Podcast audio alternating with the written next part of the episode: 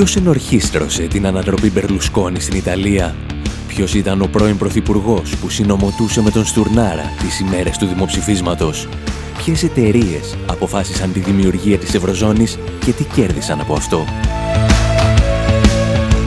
Οι δημιουργοί των ντοκιμαντέρ «Χρεοκρατία», «Καταστρόικα» και «Φασισμός ΑΕ» επιστρέφουν με μια νέα παραγωγή. This is not a coup. Δεν ήταν πραξικόπημα, είναι η Ευρωπαϊκή Ένωση. Μάθε πώς μπορείς να βοηθήσεις και εσύ την ολοκλήρωση του ντοκιμαντέρ στη διεύθυνση infowarproductions.com Η διεύθυνση infopavlawar.gr Η εκπομπή Infowar με τον Άρη Χατζηστεφάνου.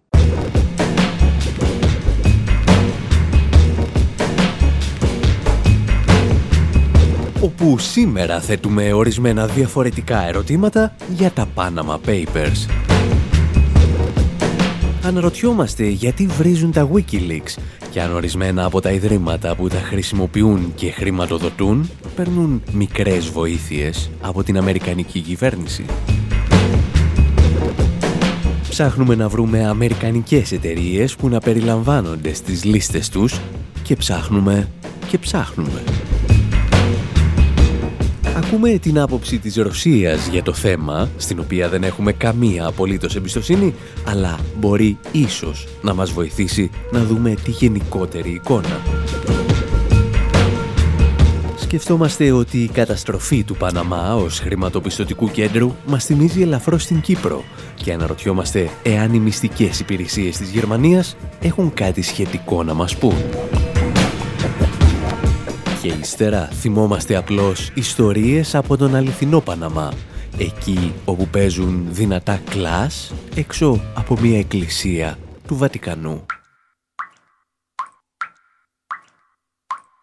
What's next, WikiLeaks? What's next, WikiLeaks? What's next? Don't stop now, we're on the edge of our seats.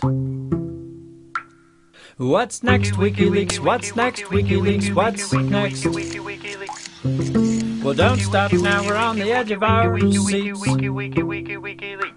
You have to watch what you say, or your words will haunt you. Take extra care when you speak. One of these days, you just might find your foot stuck in your cheek. With a flabby old chap and Hitler hobnobbing and the head of a snake. And Batman and Robin, there's just no place to hide your disgrace. You got egg all over your face.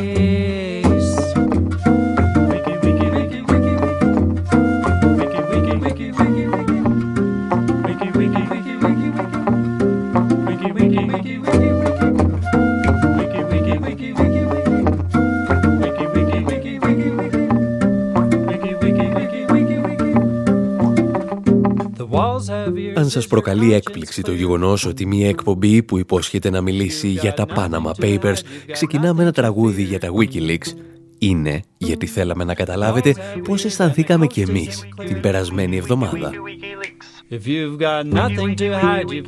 Η επικεφαλής της Διεθνούς Σύμπραξης Ερευνητών Δημοσιογράφων, το περίφημο πλέον ICIJ, είχαν μόλις παρουσιάσει την επιτυχία της ζωής τους. Η μεγαλύτερη διαρροή εγγράφων στην ιστορία ήταν γεγονός και αρκετές κυβερνήσεις ένιωθαν τη γη να χάνεται κάτω από τα πόδια τους. Και πώς σκέφτηκαν να γιορτάσουν αυτή την επιτυχία; Ξεκινώντας πόλεμο με τα Wikileaks. Μιλώντας στο περιοδικό Wired, ο διευθυντής του ICIJ, ο Gerald Ryle, είπε τα εξής.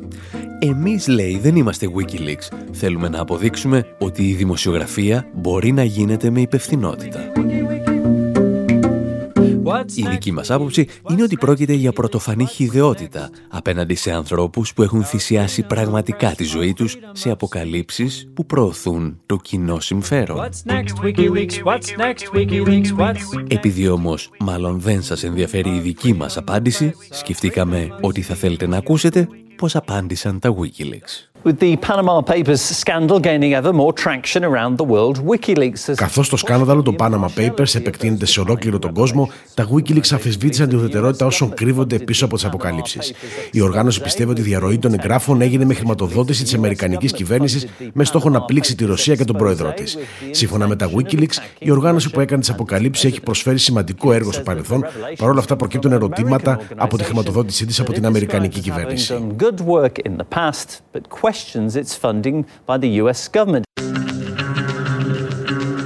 Όπως ήταν αναμενόμενο, τον πόλεμο αυτό ανάμεσα στο ICIJ και τα Wikileaks αντιλήφθηκαν πρώτα τα ρωσικά μέσα ενημέρωσης και έσπευσαν να μας εξηγήσουν ποιες ακριβώς είναι οι πηγές χρηματοδότησης της Διεθνούς Σύμπραξης Ερευνητών Δημοσιογράφων. Γιατί μαθαίνουμε τις πληροφορίες μέσω του ICIG.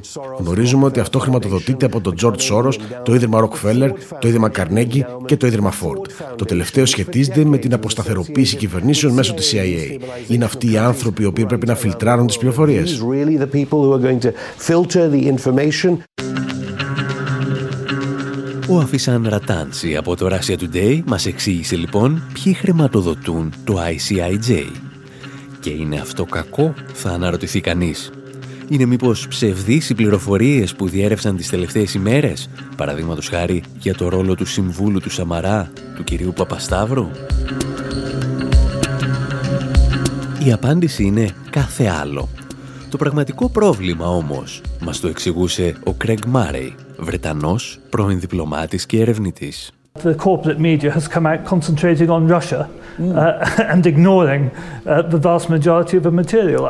Τα κυρίαρχα ιδιωτικά μέσα ενημέρωσης εστιάζουν την προσοχή τους στον Πούτιν, αδιαφορώντας για το βασικό όγκο των αποκαλύψεων. Το βασικό ερώτημα είναι γιατί δεν δημοσιοποίησαν τη βάση δεδομένων ώστε να μπορούμε να τη δούμε όλοι. Βλέπουμε μόνο τις πληροφορίες που θέλουν να μας δώσουν οι δημοσιογράφοι των ιδιωτικών μέσων ενημέρωσης στη Δύση. Μας λένε ότι θα αποκαλυφθούν και άλλα στοιχεία, αλλά δεν θέλω να βλέπω μόνο ό,τι επιλέγουν αυτοί να μας δώσουν. Δεν υπάρχει καμία νομιμοποίηση να έχεις τα χρήματά σου μια εταιρεία στον Παναμά και θέλω να δω όλα τα στοιχεία δημοσιευμένα.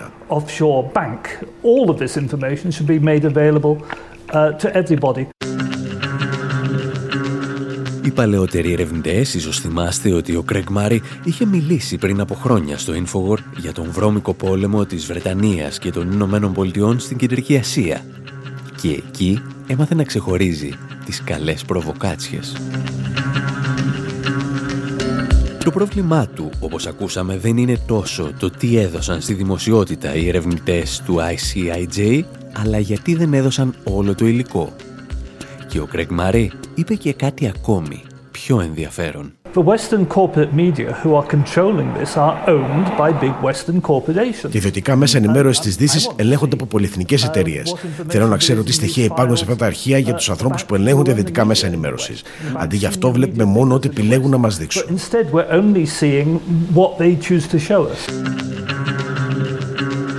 Το ερώτημα που τίθεται έχει μια λογική βάση. Αν ο διευθυντής ενός μέσου ενημέρωσης ελέγχει τα αρχεία μιας διαρροής, χωρίς κανένας άλλος να έχει πρόσβαση σε αυτά, ποιος μας εγγυάται ότι δεν θα αποκρύψει πληροφορίες για τους ιδιοκτήτες του μέσου στο οποίο εργάζεται; Δυστυχώς η σκέψη αυτή οδήγησε σύντομα και σε αρκετές θεωρίες συνωμοσίας, όπως το γιατί δεν υπάρχουν πολλές αμερικανικές εταιρείες στα Panama Papers. Ευτυχώς, μία απάντηση ήρθε να μας δώσει σύντομα ο οικονομολόγος και ερευνητής James Henry, μιλώντας στο The Real News Network. Americans don't have to go uh, to Panama to hide money. Uh, they have Delaware and a bunch of other states that don't have. Οι Αμερικανοί δεν χρειάζεται να πάνε στον Παναμά για να κρύψουν τα χρήματά τους. Μπορούν να το κάνουν στο Delaware ή σε πολλές ακόμη πολιτείες όπου τα στοιχεία τους προστατεύονται και δεν χρειάζεται να παρουσιάσουν στοιχεία για τα περιουσιακά τους στοιχεία. Όταν ρώτησαν τον διοκτήτη της Mossack Fonseca που έχει τα δικά του χρήματα, αυτός απάντησε στο Delaware. Υπάρχουν άλλες 900.000 επιχειρήσεις εκεί. Well, Delaware, you know, there's 900,000 companies in Delaware and nobody knows who owns them. Οι αμερικανικές επιχειρήσεις λοιπόν δεν πολύ υπάρχουν στα Panama Papers γιατί ολόκληρες πολιτείες έχουν μετατραπεί σε φορολογικούς παραδείσους σαν τον Παναμά. Μήπως όμως για αυτόν ακριβώς το λόγο η Αμερικανική κυβέρνηση δεν αντέδρασε απέναντι στα Panama Papers όπως είχε αντιδράσει με τα Wikileaks; Αν οι αποκαλύψεις καταστρέφουν τον οικονομικό παράδεισο του γείτονα, μήπως ο βασικός ωφελημένος είναι ο δικός σου οικονομικός παράδεισος; Για να καταλάβετε τι ακριβώς εννοούμε, σκεφτήκαμε να σας διηγηθούμε μια ιστορία από την Κύπρο. Μόνο που θα το κάνουμε ύστερα από ένα μικρό διαλυματάκι.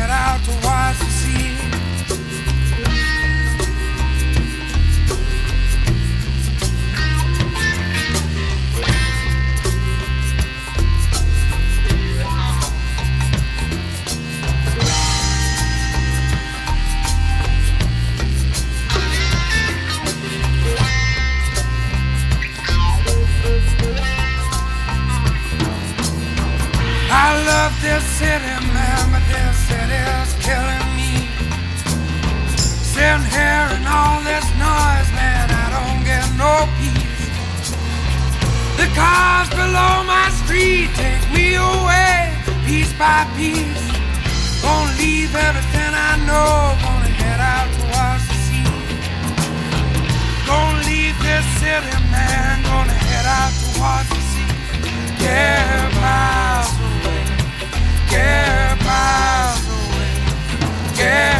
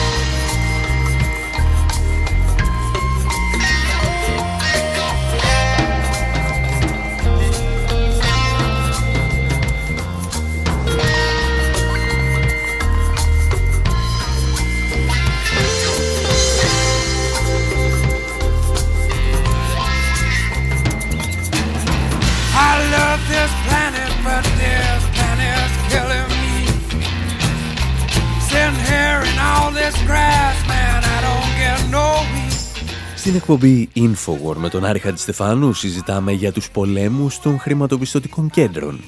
Και μια τέτοια συζήτηση δεν μπορεί παρά να μας φέρει και στην Κύπρο. Πριν από μερικούς μήνες ήρθαμε στη Λευκοσία για τα γυρίσματα του νέου μας ντοκιμαντέρ «This is not a coup» Και ένα από τα θέματα που εξετάσαμε ήταν γιατί η Ευρωπαϊκή Ένωση και συγκεκριμένα η Ευρωπαϊκή Κεντρική Τράπεζα αποφάσισαν να χρησιμοποιήσουν στην Κύπρο μια βόμβα μεγατόνων, τη δίμευση των καταθέσεων των πολιτών από τις τράπεζες. Η πρώτη απάντηση που πήραμε ήταν γιατί μπορούσαν γιατί η Κύπρος μετατράπηκε σε ένα ακόμη πειραματικό εργαστήριο των Βρυξελών για αποφάσεις που σύντομα μπορεί να ληφθούν και σε άλλες χώρες της Ευρωπαϊκής Ένωσης. Η απάντηση αυτή όμως, αν και είναι απόλυτα ικανοποιητική, δεν είναι η μόνη που θα μπορούσε να δοθεί. Γιατί η Κύπρος, εκτός από ένα πειραματόζω, ήταν και ένα σημαντικό χρηματοπιστωτικό κέντρο το οποίο, παρεπιπτόντος, δεν βρισκόταν υπό τον άμεσο έλεγχο του Βερολίνου. Θέσαμε λοιπόν τις ερωτήσεις μας σε οικονομολόγους και πολιτικούς Και η πρώτη απάντηση που πήραμε μας ήρθε από τον Σταύρο τον Μπάζο, αναπληρωτή καθηγητή στο Τμήμα Κοινωνικών και Πολιτικών Επιστημών του Πανεπιστημίου της Κύπρου. Το τραπεζικό σύστημα της Κύπρου πράγματι ήταν σε πολύ μεγάλο βαθμό εξαρτώμενο από ρωσικές καταθέσεις.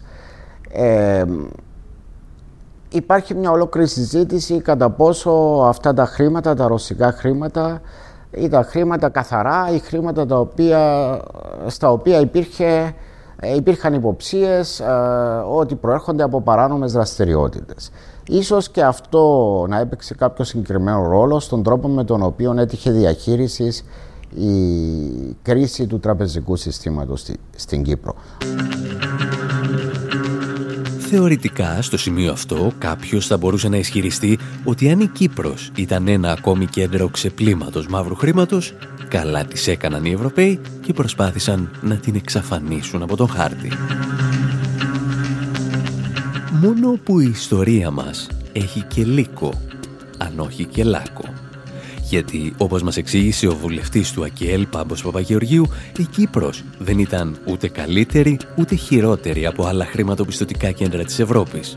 Ας πούμε, από το Λουξεμβούργο, επί πρωθυπουργίας του Ζαν Κλοντ Γιούγκερ. Ίσως μάλιστα γι' αυτό χρειάστηκε να βάλουν το χεράκι τους οι γερμανικές μυστικές υπηρεσίες. Πριν την επιβολή του Μπέιλι, δηλαδή της δίμευσης των καταθέσεων, είχε προηγηθεί μια φοβερή επικοινωνιακή επίθεση, η οποία πρέπει να ήταν συντονισμένη, γιατί εμφανιζόταν στα κυριότερα μέσα ενημέρωσης ανά την Ιφίλιο, είχε εμφανιστεί η έκθεση των μυστικών υπηρεσιών της Γερμανίας που έλεγε ότι η Κύπρος είναι τόπος ξεπλήματος βρώμικου χρήματος.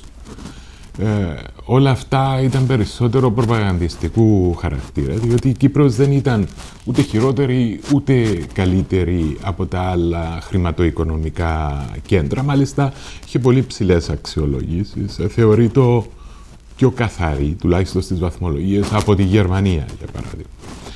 Α, νομίζω ότι οι, οι Γερμανοί δεν ήθελαν να υπάρχει ένα χρηματοοικονομικό κέντρο που να μην ελέγχεται. Υπήρξε μια αναδιάταξη, μια προσπάθεια αναδιάταξης της νομής α, της προσόδου από τις χρηματοοικονομικές υπηρεσίες. Οι μυστικές υπηρεσίες της Γερμανίας λοιπόν θυμήθηκαν έφνης ότι η Κύπρος είναι ένας φορολογικός παράδεισος και ύστερα η Ευρωπαϊκή Κεντρική Τράπεζα ήρθε να δώσει τη χαριστική βολή στο τραπεζικό σύστημα της Κύπρου. Κανένας σε αυτή την ιστορία δεν είχε πει ψέματα. Η επιλογή όμως του τόπου και του χρόνου μας δημιουργούσε ακόμη περισσότερα ερωτήματα. Γι' αυτό απευθυνθήκαμε στον πρώην πρόεδρο της Κύπρου, Δημήτρη Χριστόφια. Στη σκέψη ορισμένο υπήρχε το εξής.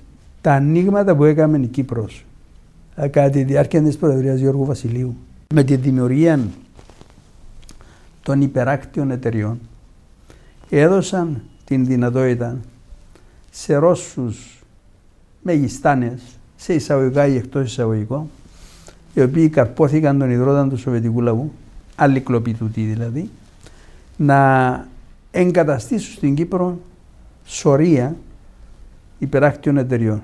Και όχι μόνο. Από αυτήν την έννοια εθορυβήθησαν εκείνοι οι οποίοι θέλαν τους Ρώσους να πάνε κοντά τους. Μεταξύ αυτών είναι και οι Άγγλοι, είναι και οι Γερμανοί και διάφοροι ε, Ευρωπαίοι ταγοί τέλος πάντων. Σε αυτό το σκηνικό λοιπόν, μια οικονομική κρίση αποτελούσε μεταξύ άλλων και μια πρώτης τάξεως ευκαιρία για να χτυπηθεί ένα χρηματοπιστωτικό κέντρο που ενοχλούσε το Βερολίνο. Αξιοποίησαν λοιπόν την κρίση για να επιτεθούν και στο ρωσικό κεφάλαιο. Διότι έγινε κούρεμα τεράστιο και έχασαν δισεκατομμύρια οι Ρώσοι. Το θέμα του ελέγχου αυτού του, του χώρου που έχει τόση μεγάλη γεωστρατηγική σημασία που αγγίζει τη Μέση Ανατολή, αγγίζει την Αφρική, αγγίζει την Ασία και την Ευρώπη. Λοιπόν, είναι μήλον της έρηδος. και επί Σοβιετικής Ένωσης και κοινότητας σοσιαλιστικών κρατών η αντιπαράθεση αυτή υπήρχε με τον υπεριαλισμό και συνεχίζεται και σήμερα με τη Ρωσία. Κατά συνέπεια η γεωστρατηγική σημασία της Κύπρου είναι τεράστια και επειδή είχαμε πράγματι έναν υπερτροφικό τραπεζικό τομέα, ευάρθηκαν να κόψουν ένα μεγάλο μέρος μαζί και τα ρωσικά συμφέροντα για να μειώσουν τέλος πάντων των πιθανών οικονομικών έλεγχων της Ρωσίας πάνω στην Κύπρο. Ιστορίες σαν κι αυτές θα σας διηγηθούμε όμως και στο ντοκιμαντέρ This is not a coup, το οποίο θα κυκλοφορήσει στα μέσα Μαΐου. Και στις επόμενες εκπομπές θα σας πούμε επίσης που μπορείτε να το παρακολουθήσετε και πώς. Προς το παρόν πάντως εσείς μένετε εδώ, γιατί ύστερα από λίγο επιστρέφουμε στον Παναμά με ιστορίες από ένα μεγάλο πάρτι που έγινε κάποτε έξω από μία εκκλησία.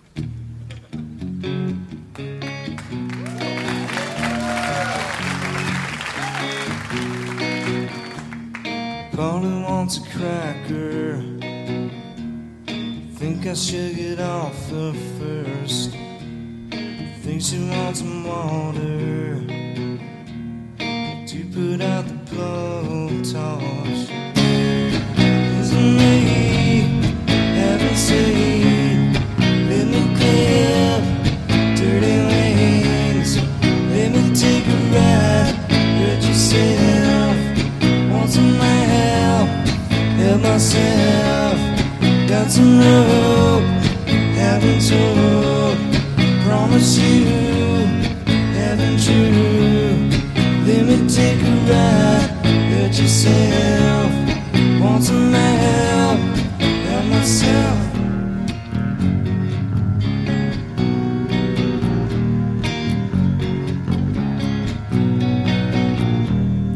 Bonnie wants a cracker. Maybe she would like more drives me to die. Choosing Chasing beaten ask for fuel.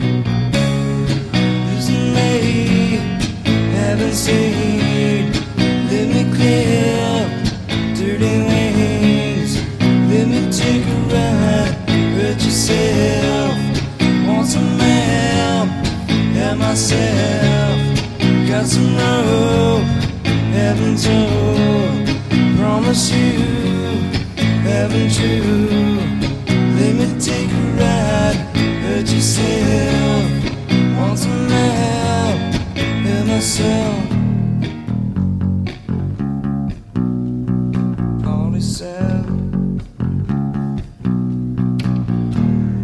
Polly says her back hurts.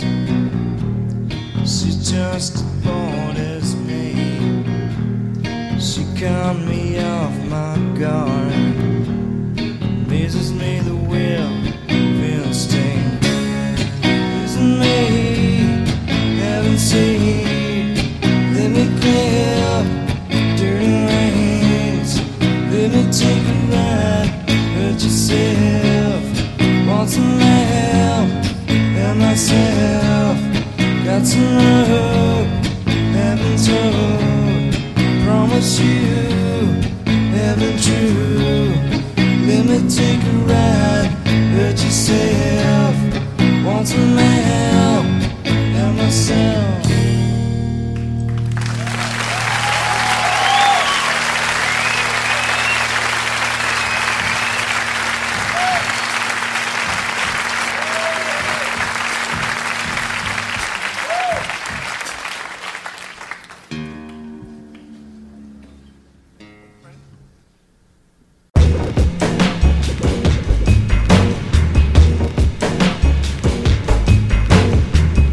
Η εκπομπή Infowar με τον Άρη Χατζηστεφάνου.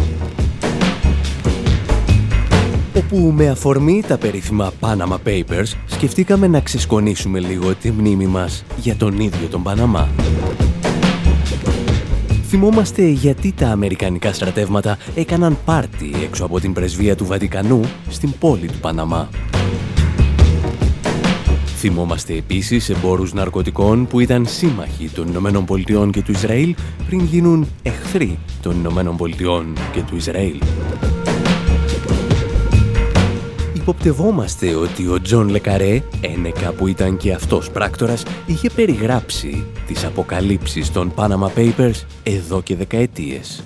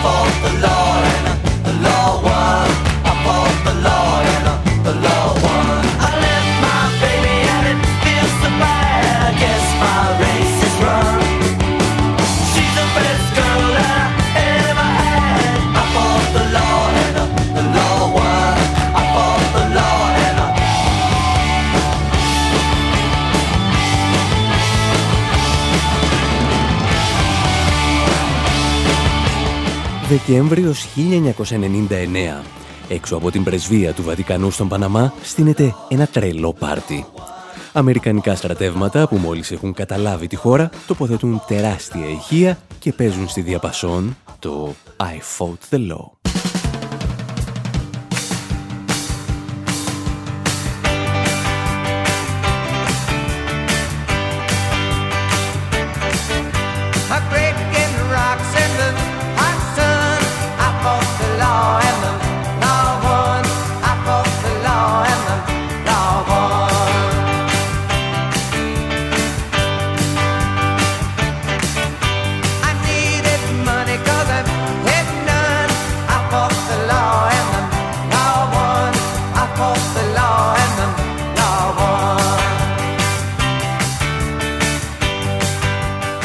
Τραγούδι έχει τη δική του καταραμένη ιστορία για τις Ηνωμένες Πολιτείες.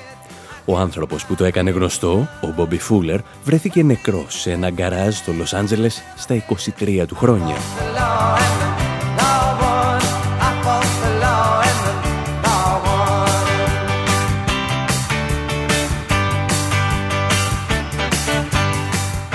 Λίγο αργότερα οι Dead Kennedys αλλάζουν τους στίχους για να διηγηθούν μια άλλη, διαφορετική ιστορία.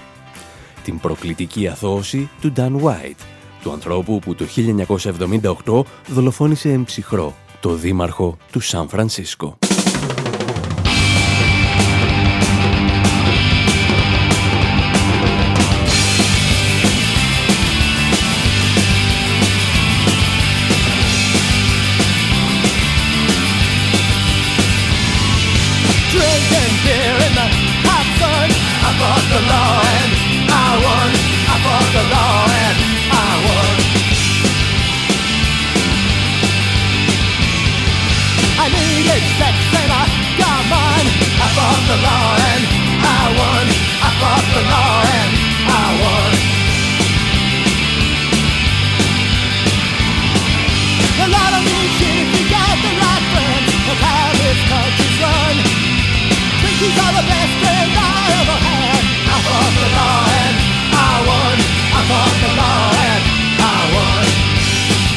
Πολέμησα τον νόμο και τον κέρδισα, τραγουδούσαν οι Dead Kennedys και είχαν απόλυτο δίκιο. Γιατί μετά τη δολοφονία του δημάρχου του Σαν Φρανσίσκο, το δικαστήριο έκρινε με τρομακτική επίοικια το δολοφόνο. Το σκεπτικό ήταν ότι ήταν καταθλιπτικός επειδή έπινε λέει πολύ κοκακόλα και έτρωγε πολλά Twinkies, κάτι γλυκάκια με γέμιση κρέμας. Και αυτό δεν είναι αστείο, είναι η επίσημη ετοιμιγόρια. Για να επιστρέψουμε όμως στην ιστορία μας, οι Αμερικανικές δυνάμεις αποφασίζουν λοιπόν να χρησιμοποιήσουν αυτό το καταραμένο τραγούδι και στον Παναμά.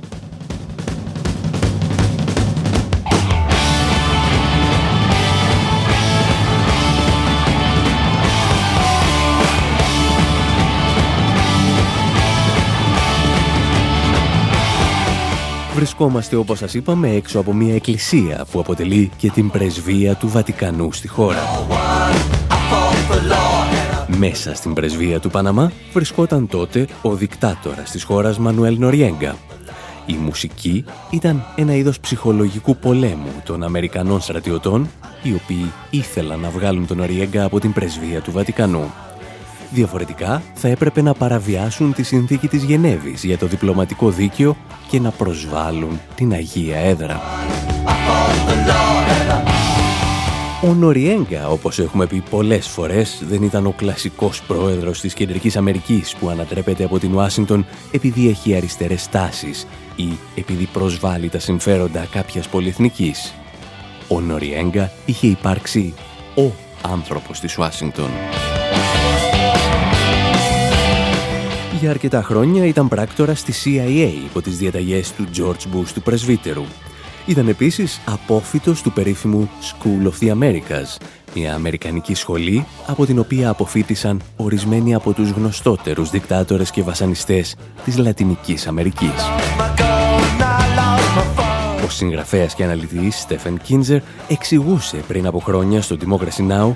τι κουμάσι ήταν αυτός ο Νοριέγκα.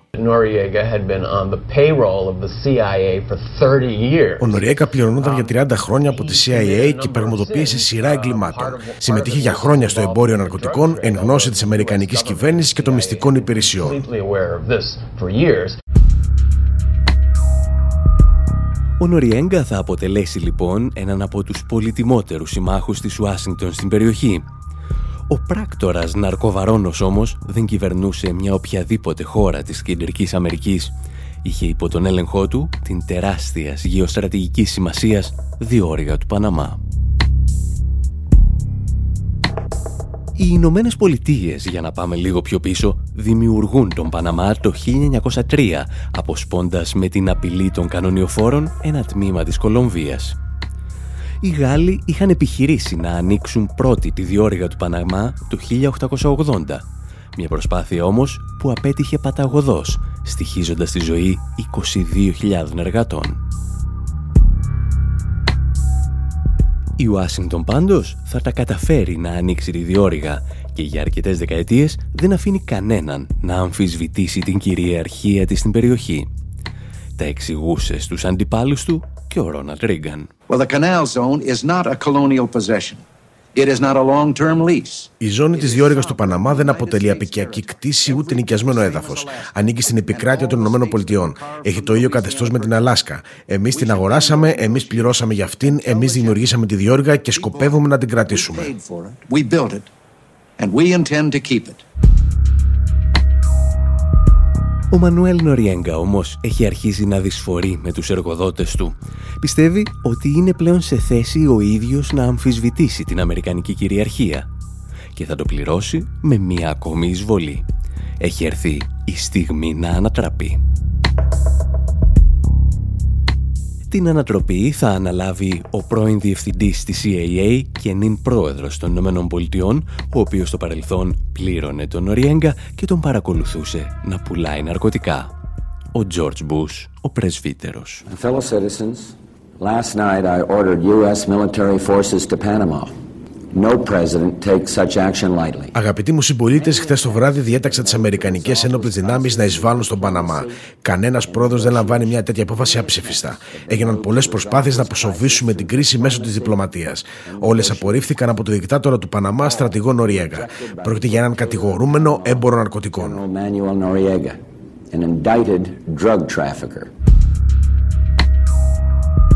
Ο Νοριέγκα τελικά παραδίδεται και οδηγείται σε Αμερικανικές φυλακές.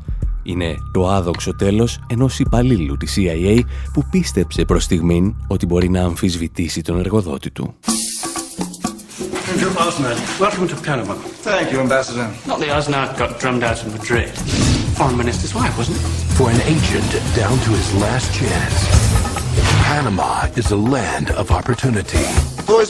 Αυτή ακριβώς η ιστορία θα εμπνεύσει και έναν άλλο πρώην πράκτορα, τον Τζον Λε Καρέ, να γράψει το βιβλίο του «Ο ράφτης του Παναμά», το οποίο θα γυριστεί σε ταινία και θα έχει το τρέιλερ που ακούμε.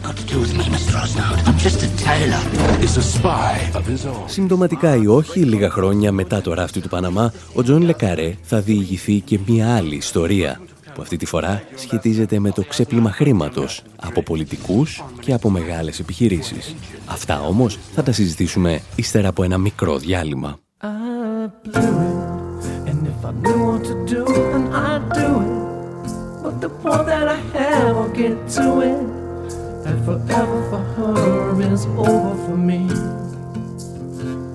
Forever, just a word that she said that means never. To be with another together. And with the weight of the feather, it tore into me. Then I knew it, and all the work that it took to get through it. On the wings of a feather that flew it, fell under my shoe and cut up into me. Well.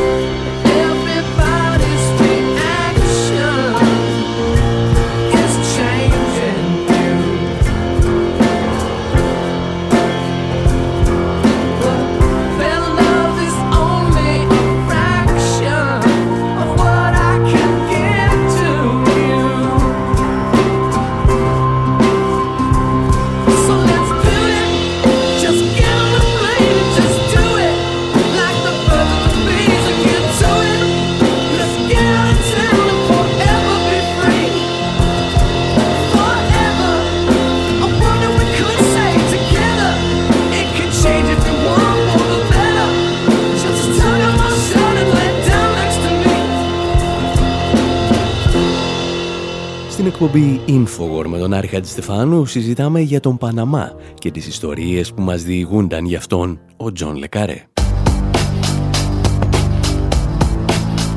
Ο Λε Καρέ θα συνεχίσει να οικοδομεί τον φανταστικό του κόσμο επάνω στα άρτια οικόπεδα της πραγματικότητας και στο τελευταίο του δημιούργημα μετά τον ράφτη του Παναμά αποφασίζει να τα βάλει με το παγκόσμιο τραπεζικό σύστημα. Στο βιβλίο του με τίτλο Our Kind of Traitor, ένας προδότης στα μέτρα μας, περιγράφει τη διαφθορά της μετασοβιετικής Ρωσίας, αλλά και το γόνιμο έδαφος που αυτή βρήκε για να αναπτυχθεί σε ολόκληρο τον κόσμο. Ιστορίες για τη δράση της οικονομικής μαφίας, ιστορίες για το ξέπλυμα χρήματος, που όπως εξηγούσε ο ίδιος στο Democracy Now! δεν είναι μία παρασπονδία, είναι το πραγματικό πνεύμα που διέπει το σύγχρονο χρηματοπιστωτικό σύστημα. That part of it isn't fiction. Money laundering is simply everywhere. It's endemic to banking. Το συγκεκριμένο κομμάτι δεν είναι αποκύημα της φαντασίας. Το ξέπλυμα χρήματος γίνεται παντού. Είναι βασικό χαρακτηριστικό του τραπεζικού συστήματος. Θα πρέπει να θυμάστε πως όταν έγινε γνωστή η κατάρρευση της Lehman Brothers και οι τράπεζες δεν δάνειζαν χρήματα μεταξύ τους, διοχετεύτηκαν στην αγορά 352 δισεκατομμύρια δολάρια βρώμικου χρήματος. Και αυτά ήταν τα μοναδικά χρήματα που διακινούνταν για δανεισμό. Το ξέπλυμα λοιπόν δεν βρίσκεται στη φαντασία μας. Είναι η μέθοδος που χρησιμοποιούν για να νομιμοποιήσουν νομιμοποιήσουν κολοσσία ποσά που προέρχονται από απάτες, φοροδιαφυγή, εγκληματικές ενέργειες και τις τεράστιες ποσότητες των ναρκωτικών. Το τραγικό, το οποίο έρχεται μερικές φορές στη δημοσιότητα, είναι ότι κανένας δεν αρνείται στους εγκληματίες τα κέρδη των εγκλημάτων τους. Παράλληλα, εμείς ξοδεύουμε τεράστια ποσά σε υπηρεσίες που υποτίθεται ότι θα σταματούσαν το ξέπλυμα χρήματος, αλλά δεν κάνουν τίποτα.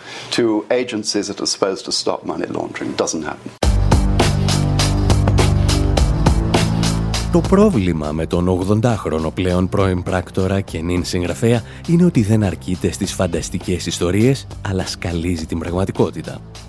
Και όταν ανοίγει το στόμα του σε συνεντεύξεις, δεν μιλάει για τα εγκλήματα των βιβλίων του, αλλά για τα πραγματικά εγκλήματα του παγκόσμιου χρηματοπιστωτικού συστήματος. Last May, when ABN AMRO Bank τον περασμένο Μάιο η ABN Amro Bank, που τώρα ανήκει σε μεγάλο βαθμό στη Royal Bank of Scotland, εντοπίστηκε να μεταβιβάζει τεράστια χρηματικά ποσά προς όφελος του Ιράν, της Λιβύης και του Σουδάν. Πλήρωσε ένα πρόστιμο 500 εκατομμυρίων δολαρίων, αλλά κανένας δεν πήγε φυλακή. Τον περασμένο Δεκέμβρη, ο όμιλος Credit Suisse πλήρωσε πρόστιμο 536 εκατομμύρια για τον ίδιο λόγο. Τα τελευταία χρόνια η Union Bank στην Καλιφόρνια, η American Express Bank International και η Bank Atlantic εντοπίστηκαν να μεταφέρουν κολοσσία ποσά από διακίνηση ναρκωτικών, αλλά πάλι κανένας δεν πήγε φυλακή. Οι τράπεζες απλώς αναγνωρίζουν το λάθος τους και δίνουν στην κυβέρνηση ένα τμήμα από τα κέρδη τους. Και ξέρετε, αυτό είναι τουλάχιστον αντιδημοκρατικό, γιατί αν εγώ πάω ως Βρετανός πολίτης στην τράπεζα της χώρας μου με ένα χαρτοφύλακα γεμάτο δολάρια, θα με περάσουν από εξονυχιστική εξέταση. Ο διευθυντής της τράπεζας μπορεί να καλέσει και την αστυνομία. Εάν όμως πάει κάποιος κύριος Ορλόφ και πει ότι έχει να καταθέσει μερικά εκατομμύρια δολάρια, ο διευθυντής της τράπεζας δεν του κάνει και το τραπέζι. Όσο περισσότερα είναι λοιπόν τα λεφτά, τόσο ευκολότερο γίνεται το έγκλημα.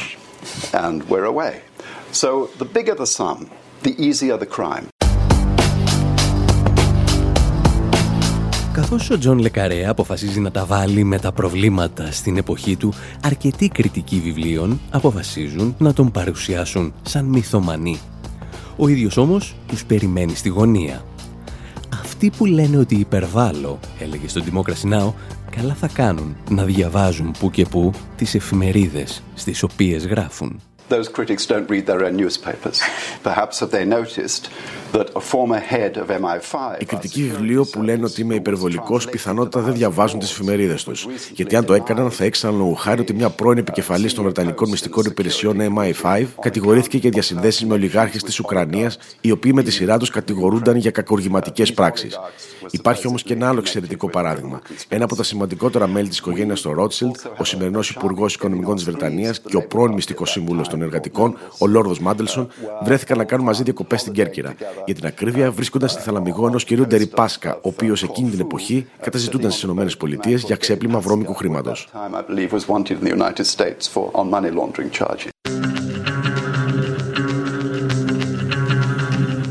Αν έγραφε σήμερα το βιβλίο του για τα πλυντήρια του βρώμικου χρήματος, πιθανότατα ο Τζον Λε Καρέ να το συνδύαζε με τις ιστορίες του από τον Παναμά και τη μετασοβιετική Ρωσία. Επειδή δεν το έκανε όμως, είμαστε αναγκασμένοι να διαβάσουμε δύο διαφορετικά βιβλία. Εμείς πάλι λέμε να την κάνουμε και για αυτή την εβδομάδα. Να μας θυμάστε και να μας αγαπάτε πάντα μέσα από τη διεύθυνση info.pavlawar.gr Από τον Άρη Χατζηστεφάνου στο μικρόφωνο και τον Δημήτρη Σαθόπουλο στην τεχνική επιμέλεια, γεια σας και χαρά σας.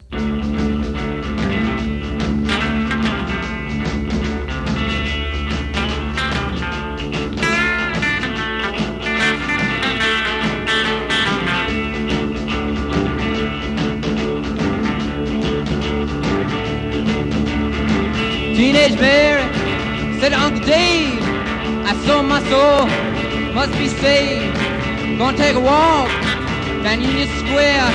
You never know where you're gonna find there. You gotta run, run, run, run, run. Take the jacket too. Run, run, run, run, run. Gypsy death in you. Hey, what you do?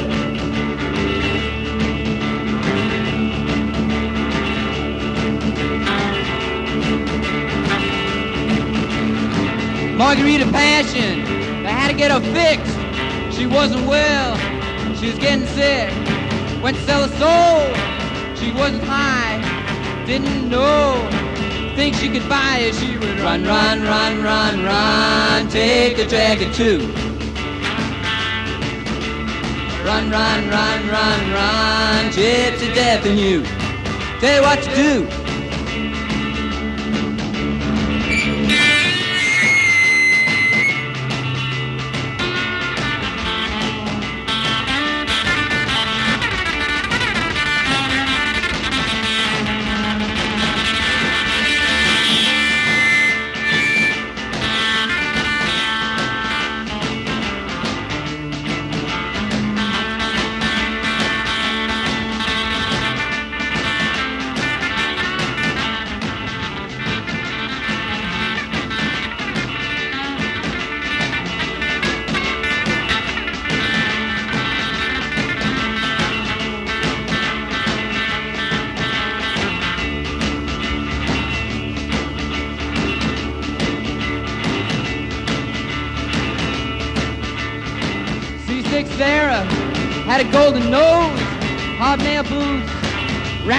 Toes. When she turned blue, all the angels screamed. They didn't know they couldn't make her sing. She had a run, run, run, run, run, take a dagger too. Run, run, run, run, run, to death in you. Tell you what to do.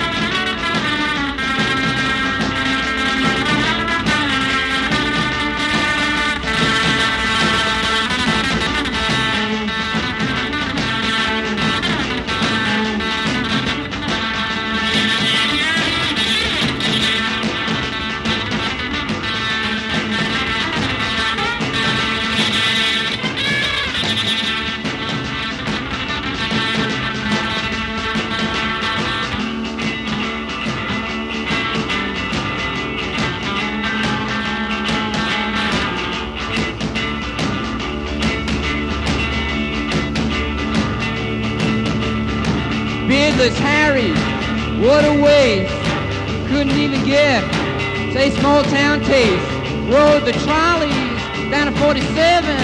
Figured if he was good, he'd get himself to heaven, cause that a run, run, run, run, run, take a dagger too. Run, run, run, run, run, gypsy death in you. Tell you what to do.